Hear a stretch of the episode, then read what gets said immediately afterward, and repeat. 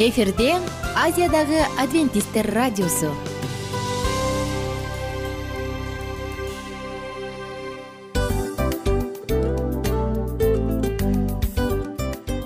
Достор салют. Баардык сүйүктүү угармандарыбызга салам айтабыз. Кутман күнүңүздөр менен. Ден соолук өмүрдүн булагы демекчи саламат саамы программасында баарыңыздарды көргөнүбүзгө абдан кубанычтабыз. Анда алгач амандашып өтөлү арбаңыздар деп. Ден соолугуңуздар кандай элибизде көбүнчө ден соолук кандай дегенде эле жакшы деп жооп беребиз э? ооруп турсак дагы жакшы дейбиз. Анан мен муну айтып ойлойт элем бул абдан сонун сөз депчи анткени бул жакшы деген үмүт да э ооба. баары жакшы болот. Баары сонун.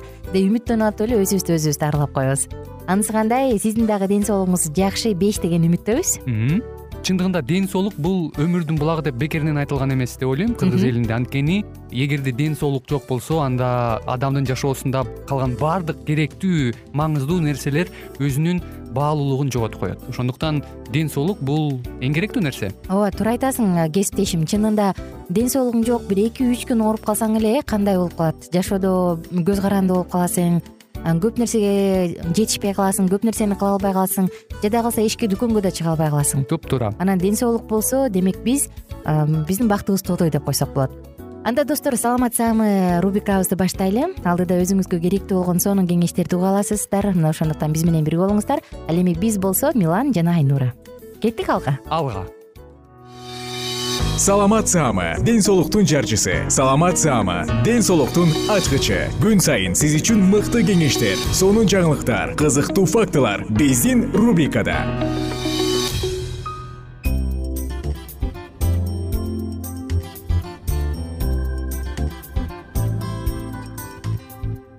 Кутман күнүңүздөр менен достор жалпы биздин сүйүктүү угармандарыбызга ысык салам айтабыз. Саламдашып амандашып биз кайрадан сиздер менен бирге жагымдуу саатыбызды баштадык. Ал эми жагымдуу саат жагымдуу мүнөттөр бул саламат саама. Албетте ден соолук дегенде эле баягы мышыктар сүттү көргөндө кулагы тикчийип калгандай. Ден соолук дегенде эле сапаттуу жана бактылуу жашагысы келген ар бир адам сөзсүз кулак түрөт сөзсүз көңүл бурат. Анткени ден соолук биздин эң негизги байлыгыбыз эмеспи. Мына ошондуктан эгер сиз дагы ден соолугуңуздун камын көрсөңүз жакшы сапаттуу жашоону кааласаңыз анда биздин уктуруубузду калтырбаңыз. Ал эми бул саатта болсо биз угармандарыбыз менен бүгүн таттуу суусундуктар жөнүндө сөз кылабыз. Бул ритм бул цикл пайдалуу суусундуктар деп аталат. Бул циклда биз мурункуда суусундуктардын түрлөрү суу деги эле смози сок мына ушул жөнүндө сөз кылганбыз. А бүгүнкү кезек таттуу суусундуктар же татымдуу суусундуктар жөнүндө болмокчу окумуштуулардын айтымы боюнча баамдоосу боюнча биз алган калориялардын он төрт пайызы элестетиңиздер он төрт пайызы кошумча сахарлардан келип чыгат экен. Булардын көпчүлүгүн биз напитоктордон суусундуктардан алат экенбиз. Бул албетте заманбап жана батыш тараптын рационун эске алганда дал ушундай болуп келип чыккан. Демек биз алган сахарлардын калориялардын он төрт пайызын биз суусундуктардан алат экенбиз. Кофе эмне дегенде эле дароо албетте кофе сергитүүчү суусундуктар газдалган суусундуктар сода суусу булардын баардыгынын тең курамында сахар абдан көп. Демек бул суусундуктар бизде семирүүнү экинчи түрдөгү кант диабетин остеопороз жана жүрөк кан тамыр ооруларын пайда кылат. Караңыздарчы кандай гана коркунучтуу сунуштар жөнүндө айталы эми албетте биз суусундуктарды кааласак каалабасак дагы ичип келебиз. Бирок кандай суусундуктар? Мына ошондон көз каранды. Эң негизгиси биз суу ичип аткандан мурун ал смузилерби же ал азыктарбы бизге чындыгында пайда алып келип атабы ал жөнүндө ойлонуш керек. Мына ошондуктан эгерде сиз көп эле суусундукту ичүүнү кааласаңыз жакшы көрсөңүз анда кандай татымдарды кандай татымалдарды кошуп атасыз? Ага дагы көңүл бурууну унутпаңыз биздин сизге кандай сунушубуз бар? Биринчи кезекте эле сахардын кумшекердин санын өтө эле төмөнгө түшүрүңүз. Жана албетте татым таттуу татым бере турган баардык баардык кошумчалардын баардыгын суусундукка эмне кошулса мына ошонун баардыгын жокко чыгарыңыз мындай менен сиз калорияларды ашыкча топтоодон качасыз жана ошол сокпу смузиби же тундурмабы алардын өзүнүн табигый даамы менен ырахаттана аласыз.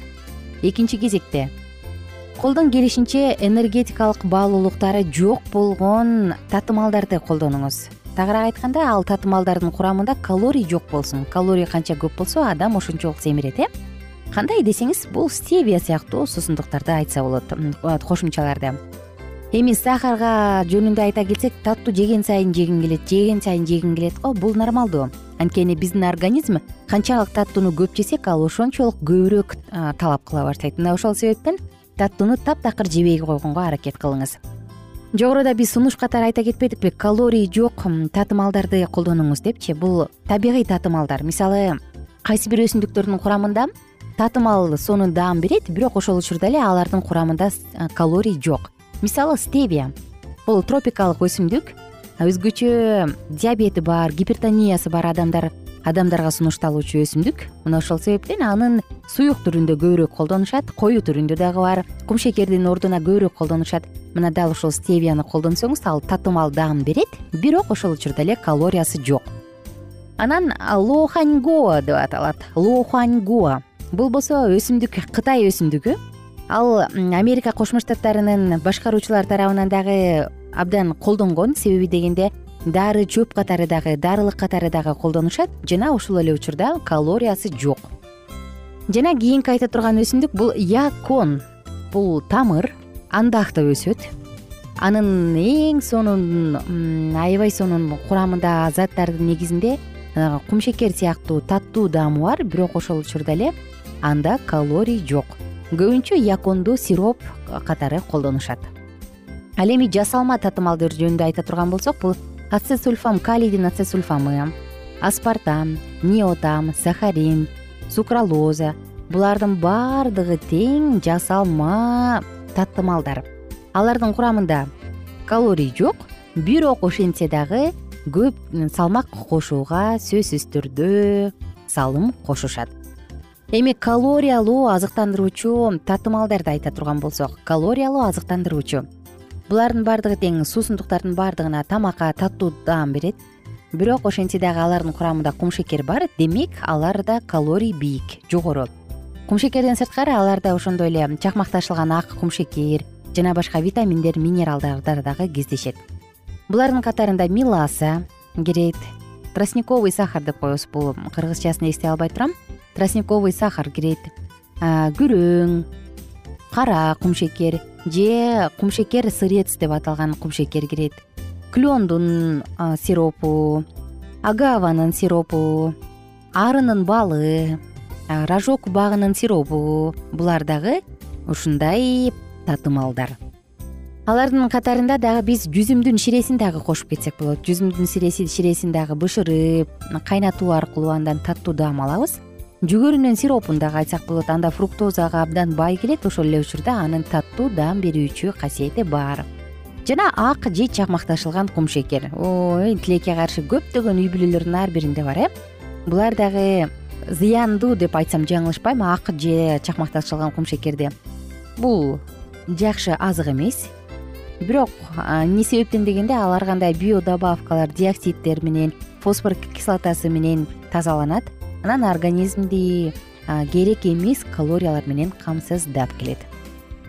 Мына достор бүгүнкү уктуруубуз ушундай болду. Эгерде калориясы жагынан бөлө турган болсок эң көп калориялы миласа жана чакмакташылбаган кумшекер орто калориялуу бул клендун сиропу күрөң кумшекер жана бал. Ал эми эң эле төмөн калориялуу бул чакмакташылган кумшекер кукуруза жүгөрүнүн сиропу сироп жана агаванын нектары. Дал ушулар төмөн калориялуу болуп саналат эң негизгиси кандай болбосун? Биз азык түлүк алып жаткандабы бир нерсе жасаардабы сөзсүз анын курамын карап анын калориясын эсептеп туруп колдонгон жакшы. Анан канчалык баштапкы учуруна баштапкы ойлонуп табылган баштапкы өстүрүлгөн учуруна жакыныраак болсо ошончолук пайдалуу. Баарыңыздарга ден соолук каалайбыз мен болсо сиздер менен кийинки уктуруудан үн алышам кененирээк маалыматтар үчүн үч w чекит саламат чекит клуб сайтына келип таанышыңыздар. Жана андан тышкары социалдык тармактарда youtube facebook жана instagram баракчаларына катталыңыз. Саламат саама ден соолуктун жарчысы. Саламат саама ден соолуктун ачкычы. Күн сайын сиз үчүн мыкты кеңештер сонун жаңылыктар кызыктуу фактылар. Биздин рубрикада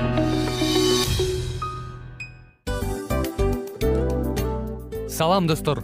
Кайрадан биздин сүйүктүү рубрикабызга кош келиңиздер деп айтмакчыбыз. Баардык замандаштарыбызга арбаңыздар деп саламыбызды айтабыз. Улуу ушундай бир урматтаган учурашуу менен анан дил маек радио баракчабызга чакырабыз. Негизи дил маек биздин рубрикабызда эмне жөнүндө кеп кылабыз бул дил маектин мааниси эмнеде? Рубрикабыз менен кичине тааныштырып кетсеңиз. Сөзсүз түрдө тааныштыра кетейин. Кесиптешим суранычы боюнча бул учурда бул радио баракчада биз ар тарап кесип ээлеринен сонун кеңештерди алабыз сүйлөшөбүз сырдашабыз. Аталарыбыздын эжелерибиздин апаларыбыздын кеңештерин угабыз айтор. Жан дүйнөгө адамдын э, сапатына адамдын деги эле адам болуп жашашына керектүү баардык кеңештер алдыда. Негизи э, дил маек дегенде баягы эки адамдын ортосундагы сырдашуу кенен сүйлөшүү. Негизи эле биз адамдар бири бирибиз менен бир жерге жай жерге отуруп алып өзүнчө тынч э, жашоо жөнүндө өмүрүбүздө эмне болуп атканын бөлүшкөнү жакшы көрөбүз э адамдар. Ооба туура айтасың анан мындай учурга кээде убакыт да жетпей келет э? Же болбосо сырыңды кайгыңды муңуңду кубанычыңды айткың келет адамга ишенбешиң мүмкүн. Ооба. Бул радио баракча угармандарыбыздын чыныгы досу. Анткени бизден алган кеңеш сиздин жашооңузга чоң жардам берет. Ал эми сиздин бизге айта турган сөзүңүз ортодо гана сыр бойдон калат. Ошондуктан биздин дил маек рубрикабызга дагы бир жолу кош келиңиздер. Жана биз даярдаган маалыматтарга даяр болуңуздар. Айнура жана милан сиздер менен бирге алдыга кеттик ар түрдүү ардактуу кесип ээлеринен алтын сөздөр жүрөк ачышкан сыр чачышкан сонун маек. Дил маек рубрикасында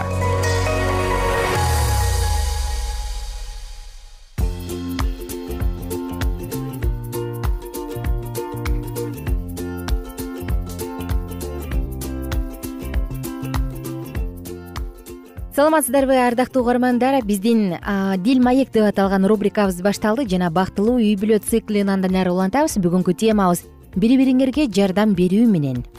Биз бул учурда үй бүлөгө маанилүү керектүү болгон эң сонун кеңештерди бөлүшүп жаткан чагыбыз. Мына ошондуктан дил маек уктуруусунда дагы аталардын орду балдардын орду балдарга кантип туура тарбия бериш керек? Мына ушунту баардыгы тууралуу кенен сөз кылып келе жатабыз достор. Ал эми бүгүнкү тема жардамга арналмакчы тыңдап жатканыңыз дил маек рубрикасы биз менен бирге болуңуздар. Балдар үчүн болгон өз милдетин ата эне жана баягы жыйнаштырып коюшу керек эмес э? Ата баягы эне жака мына апаңдын иши апаң билет апаңдын тарбиясы деп коюшу керек эмес экен. Эгерде эне өз милдетин чын ыкласы менен аткарып жаткан болсо анда бул эне үчүн жетиштиктүү бир гана келишимдүүлүктө ишенгендик менен ата жана эне кудай аларга табыштаган ишти аткара алышат үй бүлө башы өз балдарын жакшы өмүр үчүн жана түбөлүк үчүн тарбиялоодо катышуудан чет жакка бөлүнүп кетпесин. Ал бул берилген милдеттемени бөлүшүүсү зарыл атанын дагы эненин дагы милдеттенмелери бар. Ата энелерге бири бирине сүйүү көргөзүүлөрү өтө керек. Эгерде алар бул сапаттар өз балдарында өсүп күбөйүүсүн кааласа анда сөзсүз түрдө ата эне бири бирине сүйүү көргөзүшү керек. Караңызчы кыргыз элинде бар эмеспи? Уядан учкса уядан эмнени көрсө учканда ошону кылат деп анысы кандай үй бүлөдө ата эненин кандай мамилесин көрсө балдар кийин да ошондой кылышат. Эри аялын жылуу жумшак көз караш жана анын эмгегинде же мээнетиндеги ийгиликтерин жан сергитээрлик жакшы сөздөр менен колдоп жана кубаттап турушу керек. Бул эркектин милдети. Аялыңарды кыйын абалда калган учурларында жардамдашып жана түйшүктү чечишүүгө аракеттенгиле сөз айтууда өтө кылдаат болгула өзүңөргө туура кыймыл аракетти кабыл алгыла. Сылык жана мээримдүү болгула. Жана бир учурда силер сыйлыкка татыктуу болосуңар. Карагылачы аталар силер дагы сыйлыксыз калбайсыңар. Силердин жумушта болгон кичине бир чатак ишиңер. Силердин үй бүлөлүк жашооңорду кайгыга салуусуна жол бербегиле. Ата эмне менен гана айланышпасын? Жана жумуштагы канчалык кыйынчылыктар болсо дагы ал өз үйүнө жайдары маанайда жана ушул күндө ар бир адам менен сүйлөшүп учурашкандагыдай эле назик үн менен келиши керек. Эгерде жубайы жолдошунун колдоосуна гана сүйөнүп жана анын жумшак мамилесинен кубат алса анда бул абдан жакшы. Жубайлардын бири бирине берилгендик менен кызмат кылуусу өтө зарыл. Мындайча негизги бир ой максат бар. Эри үйүнө каалаган учурунда келип жана кетип турат. Бул өз үйүнүн башкаруусуна караганда бул үйдүн квартиранты же коногу болуп саналат үй бүлөнүн милдети касиеттүү жана өтө милдеттүү достор. Ошондо дагы бир калыптуу жашоо шартында макулдашуу менен ага көңүл кош жарчаңкы мамиле көргөзүшөт. Карап отурсаң көп сандаган түйшүктөр жана кыйынчылыктар адамдын кыжырын келтире баштайт э? Эгерде жумуштун өзгөрүүсү ар түрдүүлүгү жана дем алуусу болбосо анда мунун баары адамды кыжырдантаа баштайт коомдогу өтө чоң эмес орунду ээлеген эненин өмүрү бүтпөгөн толук өзүн курбандыкка берүү жана ал андан да кыйындап кетет. Эгерде жолдошу ага түшкөн оор түйшүктөрдү сезбей жашоо күндөрүндө ага эч кандай жардам бере албаса анда эненин байкуштун ии ушундай бир алсыз ийиндери ийиле баштайт.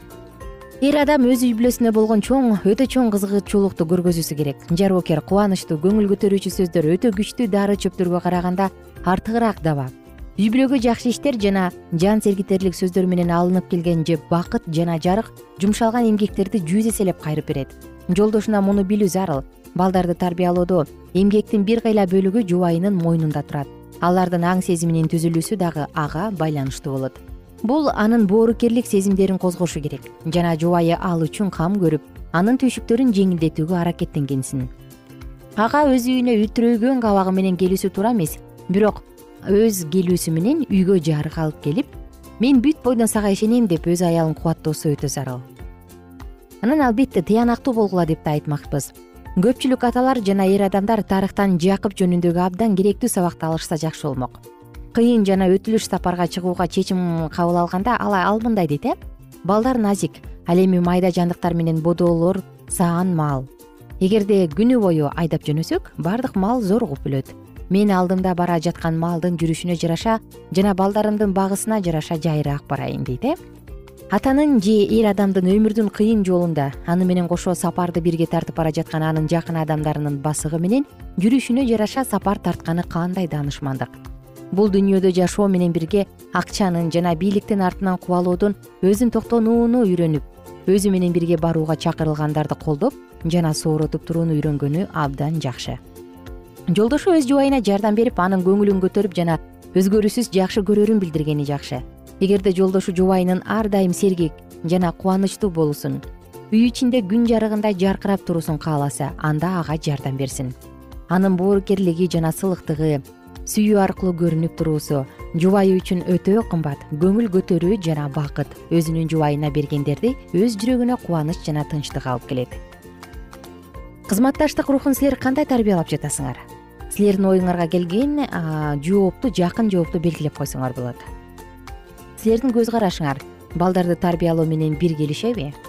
Ооба жок кез кезде. Силердин көз карашыңар тартип ыкмалары менен бир келишеби? Үчүнчү суроо силер балдарды тарбиялоодо экөөңөр тең жоопкерчиликтүү экениңерди аңдайсыңарбы? Төртүнчү суроо силер өзүңөрдү балдарга кыйкырбаш үчүн текшерип турасыңарбы силер балдардын көзүнчө талашып тартышуудан жана чатакташуудан сактанасыңарбы? Балдарыңарга силерге мерчимдүү бир жумушка жардам берүүсүнө жол бересиңерби? Балдарыңарга кандайдыр бир жумушту бүтүрүшүгө жардам бересиңерби? Силер кызыктыруучу оюн түрүндө жумуш көнүгүүлөрүн аларга жалгаштыра аласыңарбы? Силер балдарыңардан алардын күчү жетпеген тапшырмаларды аткаруусун талап кылбайсыңарбы? Силер балдарыңарды жакшы аткарылган иштери үчүн мактайсыңарбы мына бул суроолорго өзүңүзгө жакын болгон жоопту тандаңыз. Ооба жок кез кезде. Достор бүгүнкү уктуруубуз дагы биз үчүн абдан маанилүү болду деп ишенем. Тилекке каршы мырзалардын көпчүлүгү жумуштан келгенде тоону том коргонсуп калышы мүмкүн э? Анан жогоруда айтылгандай же болбосо тескерисинче баардык түйшүктү аялынын мойнуна жүктөп коюп үйдө кожоюн болуп жата бериши мүмкүн эркектин иши талаада. Ал үй бүлөнү камсыздаш керек. Ал үй бүлөнүн коргоочусу болуш керек. Мына дал ушул милдет ар бир мырза тараптан аткарылса экен дейм. Кайрадан амандашканча достор күнүңүздөр көңүлдүү улансын. Бар болуңуздар жана бай болуңуздар. Ар түрдүү ардактуу кесип ээлеринен алтын сөздөр жүрөк ачышкан сыр чачышкан сонун маек дил маек рубрикасында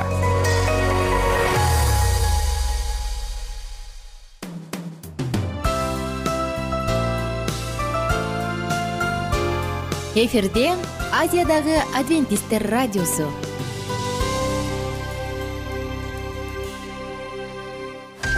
Жан дүйнөңдү байыткан жүрөгүңдү азыктанткан жашооңо маңыз тартуулаган жан азык рубрикасы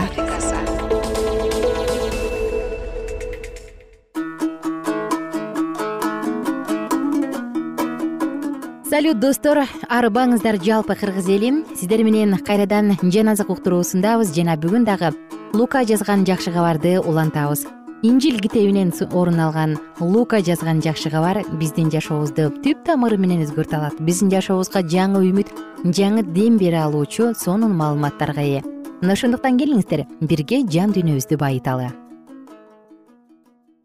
Лука жазган жакшы кабар он биринчи бөлүм ыйса бир жерде сыйынып жатты. Сыйынып бүткөндөн кийин шакирттеринин бири ага. Теңир жакан өзүнүн шакирттерине үйрөткөндөй бизге да сыйынууну үйрөтчү деди. Ошондо ыйса аларга мындай деди. Силер мындай деп сыйынгыла асмандагы атабыз сенин ысмың ыйык тутулсун сенин падышачылыгың келсин. Асмандагыдай эле жерде да сенин эркиң аткарылсын күндөлүк жашообузга керектүү ырыскыбызды күн сайын бере көр. Бизге карыз болгондордун ар бирин кечиргенибиздей биздин күнөөлөрүбүздү да кечирип көр. Азгырылышыбызга жол бербе бизди жамандыктан сакта.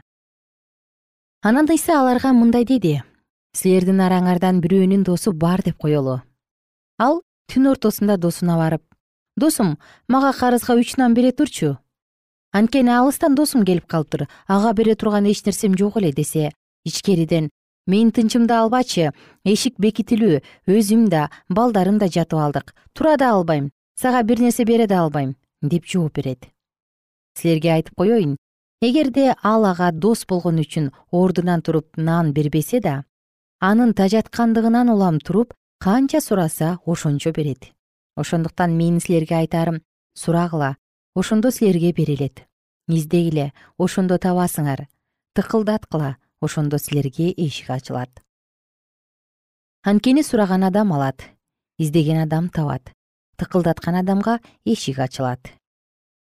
Араңардагы кандай ата баласы нан сураса таш берсин же балык сураса жылан берсин же жумуртка сураса чаян берсин. Демек силер жаман болуп туруп балдарыңарга жакшы нерселерди бергенди билсеңер анда асмандагы атаңар өзүнүн сурагандарга ыйык рухту берери анык. Бир күнү ыйса бир адамдан дудук жинди кууп чыгарды. Жин чыккандан кийин дудук киши сүйлөй баштады эл буга таң калды. Кээ бирөөлөр жиндерди ал жиндердин башчысы белзобулдун күчү менен кууп чыгарат дешти. Кээ бирөөлөр болсо ыйсаны сынамакчы болуп асмандан жышаан көрсөтүшүн талап кылышты. Бирок ыйса алардын ойлорун билип аларга мындай деди. Ич ара бөлүнгөн падышачылык кулайт. Ич ара бөлүнгөн үй бүлө бузулат. Эгерде шайтан өзүнө өзү каршы чыкса анда анын падышачылыгы кантип турат? Силер болсо мени жиндерди ал белзебулдун күчү менен кууп чыгарат дейсиңер. Эгерде мен жиндерди белзебулдун күчү менен кууп чыгарсам анда силердин кишилериңер аларды кимдин күчү менен кууп чыгарып жатышат. Ошондуктан силерди ошолор айыпташат. Эгерде мен жиндерди кудайдын күчү менен кууп чыгарып жатсам анда силерге кудайдын падышачылыгы келди. Күчтүү адам өз үйүн курал жарак менен кайтарып турса анда анын мал мүлкү коопсуз болот. Эгерде андан күчтүүрөөк адам ага кол салып аны жеңсе анда ал анын таянган бүт курал жарагын тартып алып андан олжолоп алганын бөлүштүрөт ким мени менен болбосо ал мага каршы. Ким мени менен жыйнабаса ал чачат. Жин адамдын ичинен чыккандан кийин тынчтык издеп кургак жерлерди кыдырат. Таппай койгондон кийин ал кайсы үйдөн чыксам ошол үйүмө кайтып барайын дейт. Кайтып келгенде үйдүн шыпырылып жин алганын көрөт ошондо ал барып өзүнөн да ашынган жети жинди ээрчитип келип үйгө кирип жашай баштайт. Ошондо ал адамдын кийинки абалы мурункусунан да жаман болот. Ыйса бул сөздөрдү айтып жатканда эл арасынан бир аял үнүн бийик чыгарып ага сени курсагына көтөргөн сени эмизген адам эне бактылуу деди. Ыйса болсо ага кудай сөзүн угуп аны аткаргандар бактылуу деди. Эл чогула баштаганда ыйса сүйлөй баштады. Ушул муун жаман муун бул муун жышаан талап кылып жатат. Бирок ага жунус пайгамбардын жышаанынан башка жышаан көрсөтүлбөйт. Анткени нинеби эли үчүн жунус пайгамбар жышаан болгондой. Адам уулу да ушул муун үчүн жышаан болот. Түштүктүк падыша аял сот күнүндө ушул муундун кишилери менен бирге тирилип аларды айыптайт. Анткени ал сулаймандын акыл сөздөрүн угуш үчүн алыс жерден келген. Бирок бул жерде сулаймандан чоң бирөө бар. Нинебиликтер да сот күнүндө ушул муун менен бирге тирилип аны айыптайт. Анткени алар жунустун насаат сөзүн угуп тобо кылышкан. Бирок бул жерде жунустан да чоң бирөө бар. Чыракты күйгүзүп туруп көрүнбөс жерге көмкөрүлгөн идиштин астына койбойт. Тескерисинче үйгө киргендерге жарык берсин деп аны чырак баягы коет. Дененин чырагы көз. Эгерде көзүң таза болсо анда бүт денең жарык болот. Эгерде жаман болсо анда денең караңгы болот. Ошондуктан карагын сенин ичиңдеги жарык караңгы эмеспи эгерде денеңдин эч бир жеринде караңгылык болбой бардык жери жарык болсо анда чырактын жарыгы сага жарык берген сыяктуу бүт денең жарык болот ыйса бул сөздөрдү айтып бүткөндө бир фарисей аны үйүнө түшкү тамакка чакырды. Ал келип дасторконго отурду. Ыйсанын тамак алдында кол жуу салтын аткарбаганын көрүп фарисей таң калды. Бирок теңир ага мындай деди. Силер фарисейлер табак менен чөйчөктүн сыртын тазалайсыңар. Ал эми ичиңер талаптануучулук менен арамдыкка толгон ээ акылсыздар сыртын ким жаратса ичин да ошол жараткан эмеспи андан көрө ичиңерде эмне болсо ошону кайыр берген сыяктуу берип салгыла.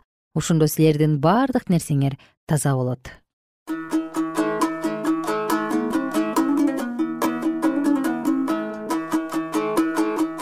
Кымбаттуу достор бүгүн дагы сиздер менен бирге лука жазган жакшы кабардын он биринчи бөлүмүнөн бир нече аяттарды окуп өттүк. Жалпыңыздар менен убактылуу гана коштошобуз жана кийинки уктуруубузда бул окуяны андан ары улантабыз күнүңүздөр көңүлдүү улансын. Бүгүнкү күн дагы сиз үчүн баталуу ийгиликтүү сонун күндөрдүн бири болсун.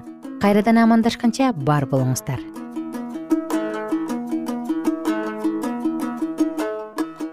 Эгер сиздерде суроолор болсо же көбүрөөк маалымат билем десеңиз анда биздин whatsapp номерибизге жазыңыз. Плюс бир үч жүз бир жети жүз алтымыш алтымыш жетимиш. Кайрадан плюс бир үч жүз бир жети жүз алтымыш алтымыш жетимиш.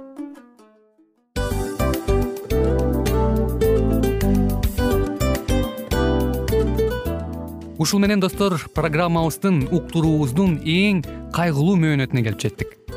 Кайгылуу дегенде ыйлагым келип кетти кесиптеш. Кадимкидей. Анткени баягы учурашасың анан коштошуу учур келгенде ии кантип ии эми бат баттан келиптир э сагындырбай деп атып араң коштошобуз го анысы кандай? Угармандарыбыз менен коштошчу учур келди кийинки уктурууларды сагыныч менен жүрөгүбүздө кусалык менен күтөбүз жалпыңыздарды. Анан жарым сааттык уктуруу көз ачышым өтүп кетти. Сөзсүз. Бирок бизде жакшы кабар бар. Кийинки уктурууларыбызда сөзсүз дагы кезигишебиз. Анткени биз көптөгөн сюрприздерди кызыктуу маалыматтарды жана керектүү керектүү нерселердин көпүнчөсүн даярдадык андай угармандарыбыздын баардыгына ийгиликтүү күн каалайбыз. Эгерде бүгүнкү күнүңүз өзгөчө э, өтүшүн кааласаңыз анда позитивдүү ой жүгүртүп жылмайып жакындарыңызга жакшы маанай тартуулап жүрө бериңиз анткени сөзсүз түрдө мунун арты кайтат э? Сөзсүз. Баягы ден соолугуң оңолот ал бул деп көп нерсени санап келебиз. Эң негизгиси бул сиздин жашооңузду жаркын кыла түшөт экен жараткан кудай ар бирөөңүздөргө батасын берсин жашооңуз ийгиликтүү болсун сак саламатта калыңыздар деп мен милан жана кесиптешим айнура баардыгыңыздар менен кийинки уктурууда үн алышканча баарыңыздарга ийгилик каалайбыз